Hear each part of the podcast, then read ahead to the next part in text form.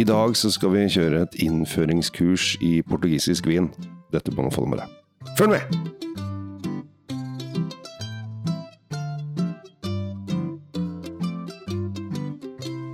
Hjertelig velkommen til dagens uh, podkast. I dag så er vi folksomme. Uh, veldig mye hyggelige folk på plass til å smake veldig mye hyggelige viner. Uh, selvfølgelig er den legendariske Tom Amrati Løvaas fra Drinkfeed på plass.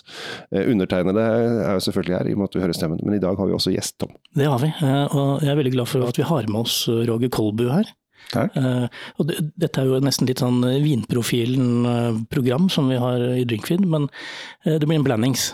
Og for dere som ikke aner hvem Roger Kolbu er, fordi du er ikke akkurat den mest kjente profilen der ute, så, så, har du vært med i vinsirkuset siden, ja, siden du ble født omtrent, tror jeg? Ja, om ikke jeg ble, når jeg ble født, så i hvert fall etter lovlig alder, kan man si. Men, uh, men jeg starta i um, Jeg starta opp, kan du si, min vinkarriere, om man kan kalle det.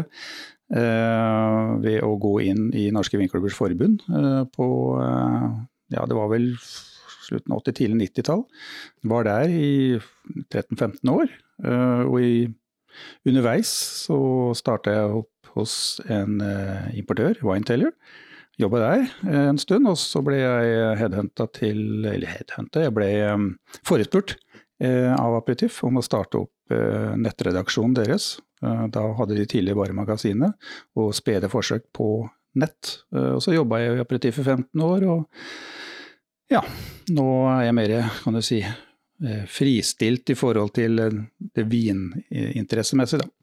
Ja, men du er også administrator i en av de største vingruppene på Facebook for dere som er der ute, som heter God vin. Ja, stemmer. Som er eh, skarpe konkurrenter til Kjell Gabriel sin eh, Play with wine. Ja, egentlig så syns jeg det er så fint. Nå er jo God vin og vin er jo de to største. Eh, men det er veldig viktig at de spiller hverandre gode. For det, jeg tror det er veldig mange som er med i begge gruppene, eh, og de får litt forskjellige innfallsvinkler fra de for to forskjellige gruppene også. Så jeg tror det er kjempebra. Det er litt sånn som du og jeg holder på med. Eh, vi driver med hver vår podkast, men vi har de ofte sammen fordi at vi spiller hverandre gode. Vi prøver å, å gjøre vininteressen i Norge større. Ja. Og der eh, er jo Roger og Kristi Byklum og osv. osv. i god vin kjemperessurser å ha. Eh, når det gjelder eh, vininteresse. Jeg tror folk er nysgjerrig. Og i dag så skal vi jo til Portugal. Det er en grunn til at vi har denne, denne mannen eh, på plass. Det er, jo, det er, jo, ikke det at vi har bare tatt den tilfeldigvis inn fra gata fordi vi syns han var en hyggelig type. Nei, det var ikke det at han bare tusla forbi studioet her og så sa hei, der lå Kolbu, vi tar med han inn. Nei da. Nå, nå, skal jeg, nå, skal jeg, lefle litt her og si at det er ingen jeg vet om i Norge som kan mer om portugisisk vin enn det Roger Kolbu kan. Så da har vi lagt lista der. Uh, dessverre for Roger så skal vi snakke om vin han kanskje ikke er så stor ekspert på, men vi skal begynne. Uh, altså Portugal. Portugal, mm. Roger, det er jo et vinland som uh, først nå nylig på en måte har kommet på kartet for folk flest her hjemme. Ja, det er egentlig det. Det har skjedd Det har skjedd mye i Portugal på vinfronten. Husker sjøl, eh, når jeg kjøpte inn vin eh, fra Portugal, eh, litt sånn uvitende om hva jeg på en måte kjøpte. På, på 80-tallet, og for så vidt begynnelsen av 90-tallet også, hvor du kjøpte en del, en del, forskjellig vin fra forskjellige områder. Jeg hadde ikke noe sånn voldsom mål og mening, men etter hvert så begynte du å merke deg litt grann, hva du likte. Men det som var generelt for mange av vinene uh, på den tiden, var at det, de bar preg av å være rustikke. De bar preg av å være kan du si, litt skrinne, litt, uh, litt tøffe å drikke. Det kunne funke bra til mat, fettrik mat osv., men det ga ikke noe voldsomt mer. Men det som da har skjedd i etterkant, i de 20-30 åra etterpå, det er ganske fenomenalt. og jeg vet ikke om den jevne mann i gata egentlig vet hva som har foregått her. Jeg merka sjøl opp gjennom tiden at eh, det satt langt inne for folk å betale eh, så veldig mye for portugisisk vin. Litt sånn som chilensk vin, at de skulle være rimelige. Og hvis de mm. kosta liksom litt mer enn de eh, på en måte var vant til, så gikk vi ikke for den. Sjøl om man da kunne kjøre argumentet at ja, eh, nå er jo den rimeligste burgunderen, jo, altså, som ikke smaker godt, den er jo samme pris som de dyreste chilenerne og de dyreste portugiserne. Mm. Eh, hva er problemet ditt? Og Det går nok på det at man er vant til at fra det, det landet eller de områdene skal prisene være sånn. Men etter hvert som kvaliteten har økt, så har jo eh, øynene kommet litt mer opp for vin fra Portugal. Men eh, kanskje ikke nok, fordi at eh, produsentene har fortsatt hadde fortsatt samme prisnivå på vinene. De turte liksom ikke å ta mer for vinene. Og dermed så fikk jo også folk et inntrykk av at eh, det kan jo ikke ha skjedd noe særlig med de vinene, for det har jo ikke blitt noe dyre osv. Så, videre, så da går det mer word of mouth eh, på hvorvidt man skal uh, prøve seg noe mer på det. Så du må liksom pushe det litt på folk. Og sånn som kvaliteten er nå, spesielt fra Doro, er jo helt fenomenal. Ja, eh, ja ikke sant. Fordi, um, bare skyte inn at for dere gutter og jenter som hører på, på dette her nå, de av dere som, som har lyst, dere har jo allerede kjøpt inn de vinene her. For de mm. ligger jo ute på sidene våre i forkant. Så dere blir jo med på smaking. Men, men det jeg ville si var at Eh, når Wine Spectator kårer eh, portugisiske viner til noe av det verdens beste, mm. så sier jo det litt om den kvaliteten det har blitt, eh, blitt på de håper å si, dry redsene fra, fra, Portugal. For nå snakker vi ikke om portvin, nå snakker vi om vanlig, vanlig vin, for å si det sånn. Helt riktig. helt riktig. Og det var jo, Rødvin var jo ikke noe tema egentlig før. Eh, det var bare et sånt sideprodukt de hadde til portvinsproduksjon. Mens nå er jo rødvin blitt eh, hva skal man si for noe, ikke bare, ikke bare stuereint, men eh, har blitt liksom virkelig en eksportvare fra da spesielt Toro. Men de andre områdene har kommet etter vinifikasjonsprosessene og, og, og, kvaliteten gjennom oppbygging av vinen har blitt fenomenal. Eh, ikke bare i Portugal, men spesielt i Portugal. Eh, slik at eh, typiske viner fra Berada osv. som kunne være veldig, veldig veldig tørre eh, i, i inntrykket som, som, folk satt igjen med når de drakk dem, de har begynt å få mer og mer fruktighet. Så. Ja, vi starter vår Portugal-reise i Douro. Eh, som er eh, for det første mest kjent, og dessuten kanskje liksom hjertet av Vin-Portugal, kan vi si det. Det er i hvert fall, fall eh, hovedpulsåren til det som har med vin å gjøre der nede. Ja, eh, Doro, og ikke minst altså, fra Porto og innover, innover i, i Dorodalen. Og spesielt når du kommer inn i det innerste, hvor du begynner å nærme deg Pinjao, og du begynner å nærme deg de største portvinsprodusentene, så er det jo ikke bare eh, det vinmessige som eh, bør trekke folk, men ikke minst det fasjonable, naturrikdommen og uttrykksformen. Det er, du kan si, det, Om du liker Moseldalen, så kommer du til å falle helt pladask for Dorodalen. Ja, for det er jo, det er jo en, en, vindal på speed, nærmest. Ja. Det, er, det, er, det, er, ganske enestående å være der. Den første vinen vi skal smake, som Kjell Gabriel nå eh, Han leker sommelier i dag, han skal åpne den for oss. Der kom det den. Det, det klarte du. Og den vinen du åpna nå, Kjell Gabriel, eh, er jo egentlig Altså huset her er en liten kjenning, for dette har vi snakket om tidligere for noen episoder siden. Eh, Quinta de Crasto, som ligger, ligger helt fantastisk til, skal vi si, midt i smørøyet? Er det, det, det gjør det? Relativt midt i smørøyet. Og eh, du må på en måte eh, gjennom smørøyet også, for å si det på et vis. Da, gjennom Pinjao for å komme deg tilbake igjen til Quinta de Crasto, som da ligger på andre sida av, av, elva. Ja, feil side til elva, for å si det sånn. Feil side av elva, men fantastisk eh, beliggenhet. Høyt oppe, kjempeutsikt. Uh, og det har de også visst å utnytte, men det kommer vi sikkert tilbake til. Ja, Nå skal vi smake på, nå kan vi fortelle om det. det mens Kjell Gabriel heller opp her, så skal jeg si at uh, for de av dere som har muligheten til å dra dit, så har denne, denne kvintaen, som så mange andre, muligheten til å huse folk. De har en svært uh, hyggelig restaurant. Og de har kanskje verdens kuleste infinity pool, ja. hvor du ligger og ser ut som du skal tippe over kanten og gå rett ned i Duroelven eh, noen hundre meter nedenfor. Det, det, er ganske spektakulært å sitte oppi der og, og nippe til ja, f.eks. det vi har i glasset nå. Eksempel. Eh, det har man gjort noen ganger. og Det er eh, gjerne noe man ikke glemmer. Eh, for det, utsikten er helt fasjonabel. Eh, og særlig på en dag hvor det er knallblå himmel og temperaturen er Spesielt der oppe.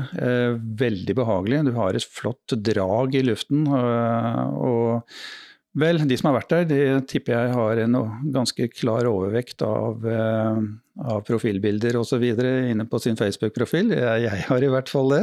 Dukker opp til jevnlig når man har, etter et år eller to eller tre eller fire eller fem man har vært der, så dukker bildene opp igjen. og Da, da får man et smil rundt munnen, for det er virkelig noe å, å huske. Hva er det vi har helt opp nå, Kjell Gabriel? Vi har helt opp eh, Crasto fra Portugal, Duro. Det er jo da vi er, vi er, nord i Portugal, eh, og som Roger var litt innom i stad, altså eh, Porto by. Som ble da eh, Portugals vinhovedstad i 1755 eller noe sånt. Da var det et vulkan Nei, det var et jordskjelv i Lisboa som gjorde at Lisboa falt helt ned. Da fant Porto-gutta ut at dette tar vi over, vi tar over all denne portvinsproduksjonen. Og da het jo ikke portvin. Men etter hvert så ble det jo hetende portvin, for det kom fra Porto. Og er da nummer tre i rekka over områdedestinasjoner etter Tokai, Chianti, altså Porto, eller portvin. Ytterst ligger på byen Porto, og så går denne dalen, sirkler seg langt innover og innover, innover. Så inn i Spania, og ender, opp i Ribera del Duero eller noe sånt. Mm. For, uh, Derav navnet på ja, så, Duero og Doro. Ja, Eh, og vi er vel godt inne i dalen nå, så vidt jeg har skjønt. Jeg har jo ikke vært der. Dette er jo en sånn, eh, nok en episode der dere forteller om hvor flott det er på der, og jeg sitter her for meg selv. Ja, jeg, jeg, tenker, jeg, har tenkt litt på det, og det, det er stygt å mobbe deg fordi du ikke har vært overalt. Men på den annen side så har du noen år uh, til gode på oss. Så ja, jeg, du, kommer, du, kommer nok til, reise, ja. kommer nok til å rekke mer enn det kanskje vi har gjort. Ja, og du har noen gleder til gode òg? Ja, ja det, bare, altså, det, høres jo helt fantastisk ut, sånn som dere sitter og, og småtjaller over Infinity Pool og utsikter og blått, blå himmel og osv. Ja, vi har et forferdelig liv, som du skjønner. Mm. Ja, men eh, det er jo det som er så kult med vin, er jo det at man blir jo eh, En ting er at man syns at vin er godt, det syns i hvert fall jeg. Eh, men, og alle har Alle har den vinen som de drakk på et flott sted, om det være seg en flott restaurant på en strandpromenade eller et eller annet vinslott eller gudene veit hvor det har vært. Eh, og så får man liksom ekstra flotte opplevelsen fordi at omgivelsene, maten eller et eller annet i eh, din eh, synsvidde er, gjør at dette er helt eh, fantastisk. Så hender det at man kjøper den med seg hjem om det ikke er så gøy på en leilighet på Storo eller hvor enn du bor. Det er riktig. Den, er Mye vin er god der den er. Men denne var god her òg. Hva skal vi si om den, Roger? Nei, den eh, bærer vel preg av, eh, av, det vi har vært litt inne på. Eh, den ligger veldig godt altså Vinmarkene ligger, det ligger jo rimelig tett innpå vineriet, vingården. Og ja, egentlig hele komplekset deres ligger vel i bakkant, ettersom jeg husker, bakkant av, av huset og Infinity Poolen. Men den ligger jo godt solvendt, og den ligger høyt oppe i de bedre vinmarkene eh, i, i, området. Og det gir eh, vinene eh, et, et, kjølig, friskt preg. Man skulle kanskje ikke tro det når man vet hvilke temperaturer som, som, den dalen kan få i perioder, men de har en veldig fin nattetemperatur. hvilket jo balanserer det hele. På den her, som da er en Quinta Crashto 2019, så ja, den er veldig ung, men den booster av, av rik, rød, frisk frukt. Eh, og ganske mørk sådan. Eh, mørk kirsebær osv. Har en veldig flott syrlig sting. Eh, og, og, en rikhet som gjør at du eh, du glemmer den ikke så lett. Eh, du kan gjerne drikke noen glass av denne her og, og, fortsatt ha full glede. Det er det ganske mange viner man eh, kan si det motsatte om. Ja, For man kan gå litt lei? Ja, man kan gå litt lei. Og så tenker jeg, denne, altså Vi som er syrefriker, mm vi elsker jo denne her umiddelbart. Og så ja. har den jo disse tanninene som kommer, som er tydelig til stede. Tydelig til stede. Men, men, ikke for mye. Altså, det er ikke sånn at du får, du får ikke, sånn, du får ikke vondt i nesa, liksom. Nei. Men den er der, og den, den er god. Ja. Dere drev jo og trylla i dere kaffe før vi starta her, for dere mente at det er sånn man skal starte dagen. Jeg som ikke drikker kaffe, får jo den der kaffefeelingen på den her. Altså dette litt sånn kaffe-mokka-toner. Blåbær og kaffe. Ja. Blåbær og kaffe, ja det er helt riktig. det. Det er fatet, da. Så mye som gjør det. så- Ja, der, men det selvfølgelig. er- Eh, Fat, fatbruken til Kinta og Krasjto, den er veldig god. De, de har en veldig god profil på hvordan de bruker fatene sine, eh, og ikke minst eh, hvor lenge vinene ligger på fat. De har Eh, investert store penger ja. i den fatkjelleren sin Ja, også, som, eh, som gjør at de har, de har stålkontroll. Virkelig kontroll på Kan ha stålkontroll på fat? Det høres jo I vinsammenhengen. Ja. Takk skal du ha for den. Ja. Jeg ble, jeg var, eh, dette høres veldig rart ut, gutter, men jeg var faktisk på fest både fredag og lørdag sist helg. Eh, høres jo helt vilt ut. Har du et sosialt liv, Ja, liksom? Det er veldig sjelden mellom de gangene dette skjer, men jeg ble da invitert på, både, både ut på fredag og på lørdag. Og på fredag eh, så eh, kom jeg over en gammel venninne eh, som var veldig opptatt av å fortelle meg at hun eh, likte ikke rødvin. Var sånn, Hun var veldig glad i vin. Jeg, kan, jeg, jeg elsker vin, men jeg liker ikke rødvin. Så Stakkars henne. da har du jo en utfordring. Ja, altså, men altså, spurte jeg har du lyst til å like rødvin? Er det, er det noe du kanskje interesserer deg for? Er det noe som kunne synes vært spennende? Jo da, eh, jo, hun har veldig lyst til å like rødvin, så da sier jeg at da bør du bruk, begynne med portugisisk rødvin. Fordi at eh, kanskje ikke Kraston, for den er kanskje litt kraftig, men hvis du går på de litt sånn eh, lettere, kanskje de aller billigste eh, Lisboa-vinene, så er de så fruktige og fine og lette, som gjør at det funker som en så fin start. Og så kan du jobbe deg oppover. Til slutt så ender du opp med sånne der eukalyptusviner med baga-greier som er noe sære naturgreier til slutt. Så du har Du solgte det nesten inn, med andre ord. Ja. jeg Nei, jeg sa ikke det med Baga-greiene, for det har skjønte hun ingenting av. Eh, men jeg, jeg, pleier, altså, jeg pleier å ha som råd til folk som sier at jeg har lyst til å begynne å, å bli glad i rødvin, begynn med Portugal. Begynn med de gjerne rimeligste portugiserne, for de er veldig lette. Og så etter hvert så kan du jobbe deg oppover og inn i Durudalen osv. Så, videre, så er det Det kan være et poeng, det, fordi Tenk jeg tenker på det, Roger. altså Vi som har holdt på en stund, vi, vi, vi glemmer så lett at uh, man må begynne et sted. Og når vi begynner å snakke varmt om uh, f.eks. krasjto sånn, så kan den være litt for viderekommende, eller i hvert fall for folk som, som har et forhold til røven fra før. Ja, og det er ofte man uh, får det i huet at eh, det nybegynnere smaker, eh, er ikke det du tenker at de burde smake når de smaker vinen. Altså, de vil kanskje tenke at en, en enkel vin er, er kjempegod. Du, vet, du tenker at den er litt sur, litt tynn, litt, litt snerpete. De syns den er kjempefin. Og serverer du sammen med menneskene en vin som er rik, flott utvikla, balansert, så det Nei, den var sur. Nei, den var, nei uff, Mm. nei. Eh, så um, det er eh, Vin er en treningssak, er en og, og det kommer med alderen også. Ja. Og, og bare, for å, bare for å ha sagt det sånn aller kjappest eh, du, skal, eh, du skal både høre på deg sjøl og høre på eh, erfarne vinfolk eh, når det gjelder hva du skal eh, Hvis du har tenkt å bygge opp en kjeller, så skal du gå både etter din egen smak og etter det eh, andre fagfolk forteller deg at du skal kjøpe. Fordi at eh, smaken er under en konstant utvikling. Og du vil veldig fort oppdage at eh, du eh, avanserer. Du går videre. Du blir mer og mer trent, og du legger kanskje noen vinområder og noen vinland bak deg. Og da er det veldig synd å ha kjelleren full av sånne viner. Så hør litt på de som har gått den løypa før deg. og Pass på å kjøpe inn viner som skal lagres lenge, etter deres råd, og ikke egentlig etter hva du sjøl liker, hvis du er relativt ny i gamet. Ja, dette var et råd fra et råd. Roger eh, 2021 til Roger eh, 22. ok, eh, vi er i gang med neste, Kjell Gabriel. Du holder tempo, du. Jeg holder eh, tempo. Vi er eh, fortsatt i Durodalen, og det som er litt Det jeg syns er morsomt med Duroviner, er jo at det er ofte blends. Med et hav av forskjellige druer. Det er noen lokale og noen internasjonale.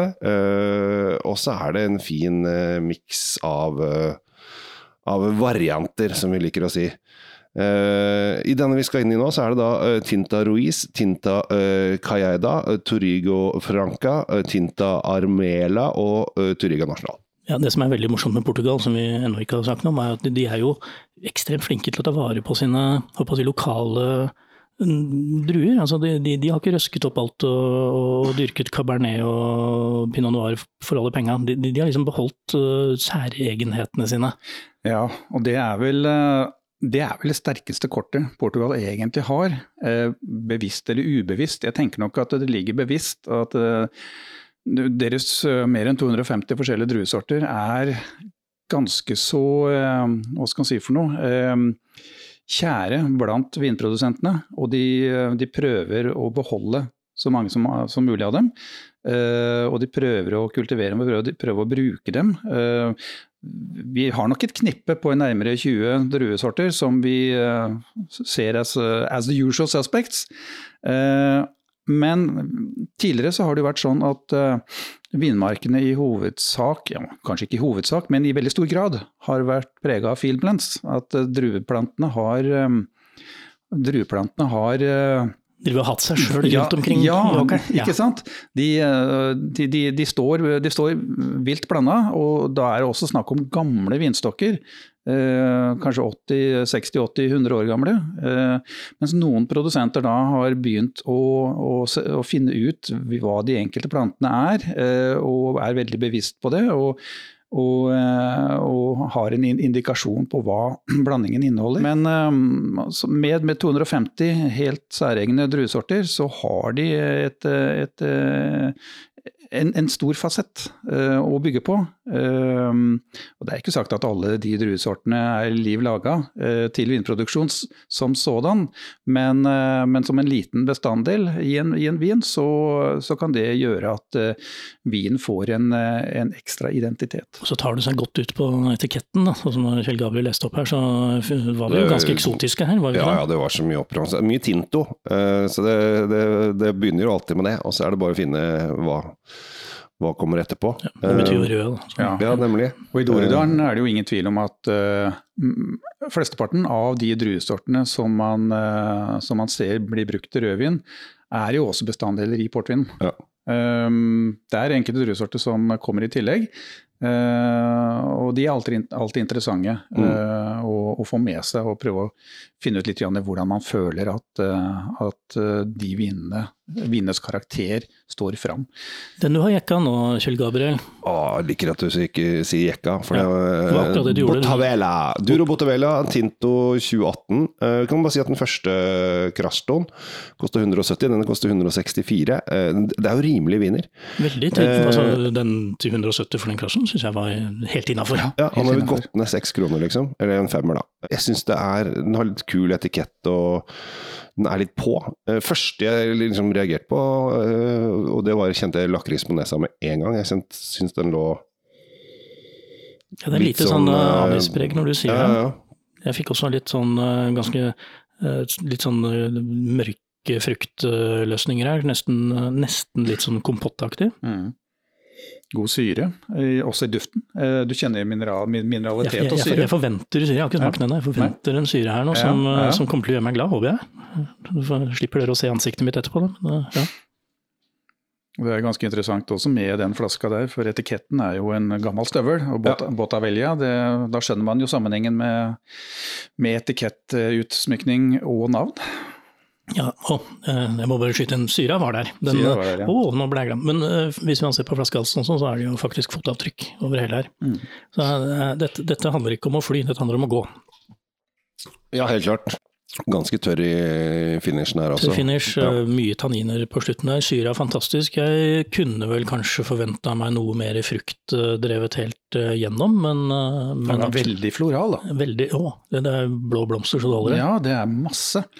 Den er rimelig kompleks i så måte. Her, um, de ligger, ligger luftig til. Mm. De er ikke tynga ned av verken fat eller, nei, nei, nei. eller ekstrahert frukt. Um, dette er dette er en veldig balansert vin, egentlig. Uh, den er, uh, den jeg, tror, jeg, tror, vi kunne med fordel ha latt den stå på en karaffel et par timer. Ja. Uh, for den er jo igjen veldig ung, det er en 2018.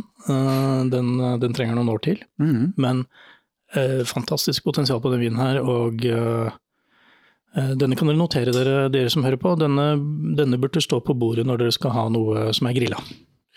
Ja, og nå har jo vi tre vært uh, ute og uh, rocka før. Uh, og vi var et Er det to år siden? Tre år siden? da vi var på middag og testet gammel, altså lagrede port, portugisiske viner. Eller en produsent, som vi var tilbake til 80-tallet, 1980 tror jeg. Som koster liksom 150 kroner flaska. Og dette her er jo også viner som kan ligge lenge uten at vi trenger å være bekymra.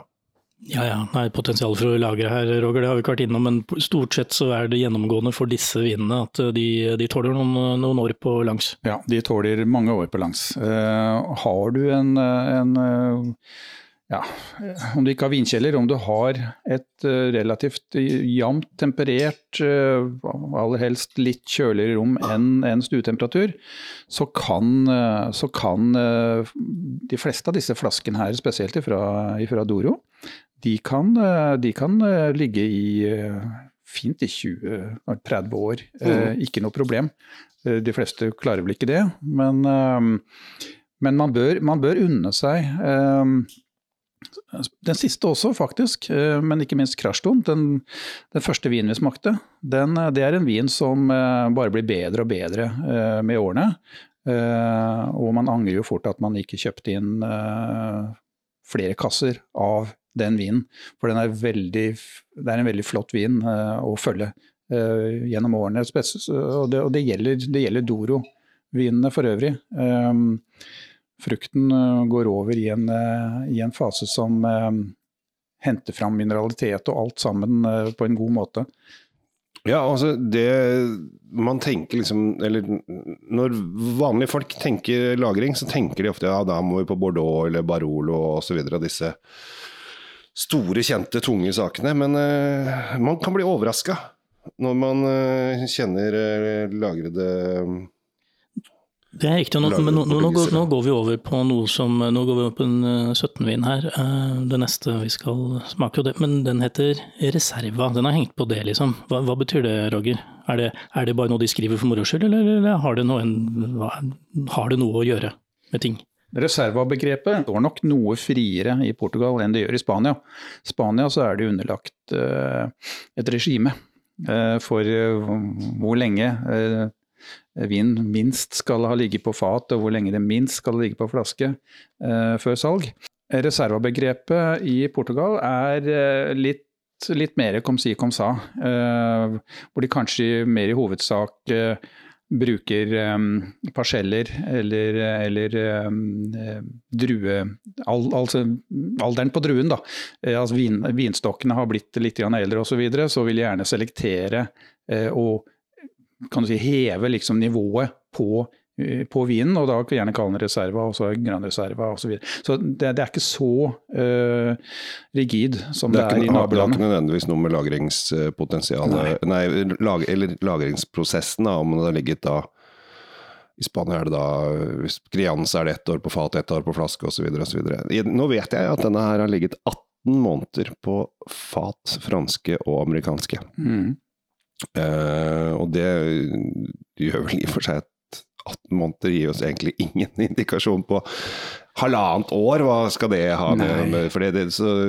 Nei, og hvor gamle er fatene? Er det nye, ja, nye fat? Ingen, ja. Er det gamle fat? Du har jo viner som kan ligge på, eh, på eldgamle fat i fem, seks, syv år uten at du egentlig kjenner spesielt mye på vin, annet enn at du har fått en mykere form pga. mikrooksidasjon osv. gjennom eh, fatet. Fått filtrert bort noe tanniner, liksom? Ja, ja. ja. Um, men, nå skal, så, men, nå skal, vi prøve karm. Ja, karm. karm.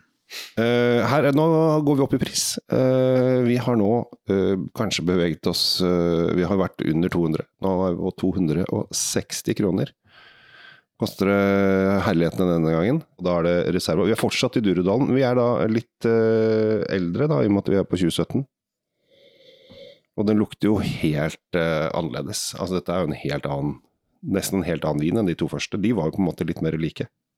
Ja, men de, de, de, var kanskje litt mer, uh, uten at jeg vil tråkke inn noe salat her, så de var kanskje litt mer rett frem. Den, denne, Nå snakket vi jo mye om fat før vi begynte å lukte her, så nå, nå kjenner jo jeg etter fatet, og det, det, og det er der. Det er der. Eh, det kommer man ikke fra. Så spørsmålet er om det overdøver eller underdøver, eller gjør noe som helst med, med, det uttrykket den skulle hatt. Men den er i hvert fall der, og den gir et inntrykk av å være soignert, er det et fint ord å bruke? Altså Den skal liksom Ja. være litt, fi, litt fin, da, ser du. Det, det man kan si om den vinen her, den, det er at um, den har ikke kommet rundt ennå, fordi at eh, fatet overdøver frukten. Hvilket gjør at uh, du ikke får så mye eh, karakterer, eh, altså nyanserte karakterer ut av frukten, sånn som du gjorde på både Botavelia og Krasjto. For der fikk frukten lov til å stå fram eh, i samme, sammen med fatet. Her er det fatet som overdøver, og spesielt også fordi at det er en det er en overvekt av nye fat her, eh, som da en, i enda større grad undertrykker frukten. Mm. Så dette er en vin som eh, må enten luftes en fire-fem timer på karaffel, en ganske vid karaffel, eller at du må ha den i kjelleren i en fem-seks-ti år eh, for å hente fram igjen. Når fatet får lov til å trekke seg ned i intensitet og mingle med frukten, og frukten får en, eh, en ny tone som kanskje er enda kan si, mildere og søtere, eh, så sitter du igjen med en vin som du merker at ja, dette er, dette er en vin som er mye rikere enn det du kanskje kjenner nå. Du kjenner, ja, du kjenner masse fat, du kjenner at det er frukt der, og den har god intensitet, men den kommer til å Uh, om ikke eksplodere, så vil den komme til å vise seg som en enda kraftigere vin uh, etter hvert som den får modning. For de har jo en helt Altså de to første, og den her er to vidt forskjellige vinstiler, nesten. Ja. Uh, der de to første er ganske kraftige, krydra, veldig på. Så er jo denne her veldig sånn rund.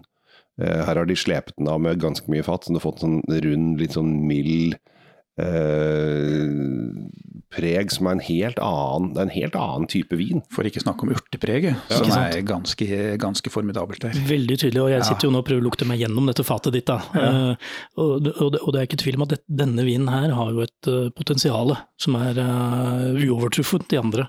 Den, den, den vil bli god. Eh, den kommer til å bli god. Hvis du kjører Roger-trikset med et par timer i, åpen karaffel, så tror jeg du har eh, mye igjen for pengene. Mye var det han lå på, hva sa du? 260. 260, ja. Mm. Det, det syns jeg eh, det- her, her må den som er interessert følge med i timen og ta med et par. Ja, og så skal man også ha i bakhodet at dette er en 2017-utgave. Mm. Og 2017 var et usedvanlig godt år. Altså, de hadde et, et trippelrekke på 15, 16 og 17, og til dels også 2018. Men 17 eh, har for rødvin vist seg å være eh, virkelig rosinen i pølsa eh, de siste årene. Så hvis man har lyst til å, å eh, skaffe seg en vin for lagring gjennom de siste 10-15, eller nærmeste, nærmeste 10-15 årene, så kan dette være en veldig god kandidat å kjøpe noen flasker av. Mm. For dette er eh, dette kjenner man. Eh, henger på greip. Det er god syre, det er god frukt, det er fint fat, Det er, rett, det er rett og slett en god vin, Ja, det er rett men ikke drikk den nå. Ja, eller hvis nei. du drikker den nå, så tar deg tid. Ja. Ta deg tid. Ja, eller putt den i en karaffel. Den er kjempesmashing å drikke nå, men den blir bare enda bedre, så kjøp noen ekstra flasker. Jeg er overrasket at ikke du sto opp uh, midt på natten i natt eh, for å lufte den her i fem timer, så at vi nå på morgenkvisten kom inn og hadde den klar. Da kunne ikke Roger fortelle om hvor innmari kult det hadde vært å lufte den i fem-seks Nei, altså Vi hadde jo stjålet alle poengene hans, men det, tenk hvor flott vi hadde hatt det. Jo, men det er også noe av det som er gøy, og som er, og som er um, deler av ens egen utvikling. Det er, å, det er å åpne en flaske vin, kjenne hvordan han er da, og kjenne hvordan han er gjennom en tidlig karaffel. eh, og ultimat til slutt hvordan han er etter noen år på flaske.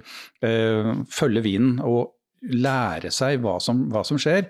Um, samme måte som man skal gjøre når man skal servere en vin til mat. Gjerne åpne den eh, et halvt døgn i forveien. Eh, Kjenne på den, eh, la den stå i glasset en halvtime, kjenne hvordan den er da. Og ut ifra det så kan du danne et bilde om denne trenger masse luft eller lite luft. Um, Ja, ja for det, det, det er jo ikke noe poeng. Det, det er mange som tenker at nå har jeg åpna den vinen, nå gjelder det å, eh, å drikke den fort, for ellers så surner den. Liksom. ja, Det, det, det, er, det er jo mange som går rundt og tror det, men, men det er jo altså da ikke tilfellet. Nei, og så er det mange som også tenker at eh, det å lufte en vin, det, ja, da må jeg trekke ut korken, da, så er jeg ferdig med det. Men det gir jo ikke noe særlig effekt. Det er ganske trang den åpningen ned i flaska der. Det er ikke mye luft som kommer til for hele det volumet som er i flaska. Er det ikke to uker de sier at hvis du åpner den og lar den stå på kjøkkenbenken, så skal den stå i to uker før den er lufta, men problemet da er at det er den nederste delen lufta, og den øverste delen eddik. Da begynner den å oksidere gærne veien. Så Ja, da, da har for å si det sånn, det er deler av utviklinga i løpet av den tiden der som ikke går så bra. Eh, Så um, Ikke gjør det. Ikke nei, gjør det. ikke Nei. gjør det. Nei, få det over på noe annet. Uh, og det, og det, det annet kan være så mangt. Altså, det trenger liksom ikke være noen fancy, dyre saker. Det kan være enkle greier. Jeg, jeg kjører litt smaking, så hender det at jeg brålufter dem litt. Bare tar det ut av flaska, heller det over på en eller annen mugge, og så heller jeg det tilbake igjen for at jeg skal liksom vise at jeg har hvilken flaske det kommer fra. Det viktige er at det du heller det over på, um, har en viss bredde, altså en vidde på, på beholderen, og at den er rein. Ja. Utover det spiller ingen rolle. Ja. Bare passe på at fluer osv. ikke får lov til Ja. å komme til. Altså, jeg er jo en stor beholder, og jeg er rein. Kan man helle over på meg? Det blir nok gjort ganske jevnlig, tenker jeg. Ja, det er greit. Ja. Jeg lufter det sjøl, jeg. Selvlufting. Nå! Vi stopper det nå, for nå, nå går vi ut av, øh, ut av øh, duoro. Hver gang jeg, jeg ser denne vinen her, så har jeg lyst til å, å synge litt eh, ABBA. Skjønner du hvorfor? Periquita. Ja. For det er jo ikke Chiquikita, det er Periquita. Uh, og dette her er jo en norgesvenn. Altså, det, dette er vel uh, kanskje det vi har uh, mest kjennskap til når det gjelder eh, Portugal. Og egentlig så er det litt sånn trist, for denne her syns jeg ofte leverer ganske bra, men så blir den på en måte Ja, ja, det er jo den derre åh, den chiquikita-vinen Den er på en måte offer for sin egen uh, suksess og standhaftighet, Ja. for den har vært der så lenge. Så Ja. folk tenker ja ja, der var den. Ja, men det er, også, det er også en annen sak med den vinen der for Periquitaen. Den finnes jo i to utgaver, en standard Pirkita og en Reserva. Mm. Og Reservaen er umåtelig mye bedre, eh, både med tanke på konsentrasjon og kvalitet, druekvalitet og hvordan vinen er laget, kontra den vanlige. Men prisforskjellen er next to nothing, så det er ingen grunn til å gå for den vanlige Periquitaen. Nei, egentlig. kjøp reservaen. Og det er reservaen vi har, ja. vi har foran oss nå. Det er reservaen vi har nå, og den er eh, ja, både staseligere og, eh, og bedre i smak. Bak Periquitaen så er det jo et veldig interessant vindu som heter Fonseca. Mm. Det, det, der har du vært. Der har jeg vært. De eh, ligger i, eh, i eh, syd for Lisboa, i et område som heter Stubal. og nærmere, nærmere sagt Terras de Sado. Vi er nesten i Syden. vi er nesten i Syden. Vi begynner å nærme oss Faro. Vi gjør det. Eh, og, og, og, eh, Fonseca er, et, er, er en stor produsent. De lager mye. Eh, og hovedinnmakeren der, Domingos Suárez Franco, det er en personlighet som jeg unner alle å møte. Fantastisk menneske. Frittalende til de grader. Ikke redd for å si verken positivt eller negativt. Og, og diskusjonene kan, kan være umåtelig interessante, eh, og spesielt selvfølgelig innenfor, innenfor vin. Men dette er en mann som eh, virkelig vet å lage god vin. Eh, Han ble vel premiert uh, Har det Wine Spectator i fjor, tror jeg. Og da hadde han vel da, hadde, da sto han vel for ansvaret for 40 forskjellige innhøstinger og kuveer osv. Så, videre.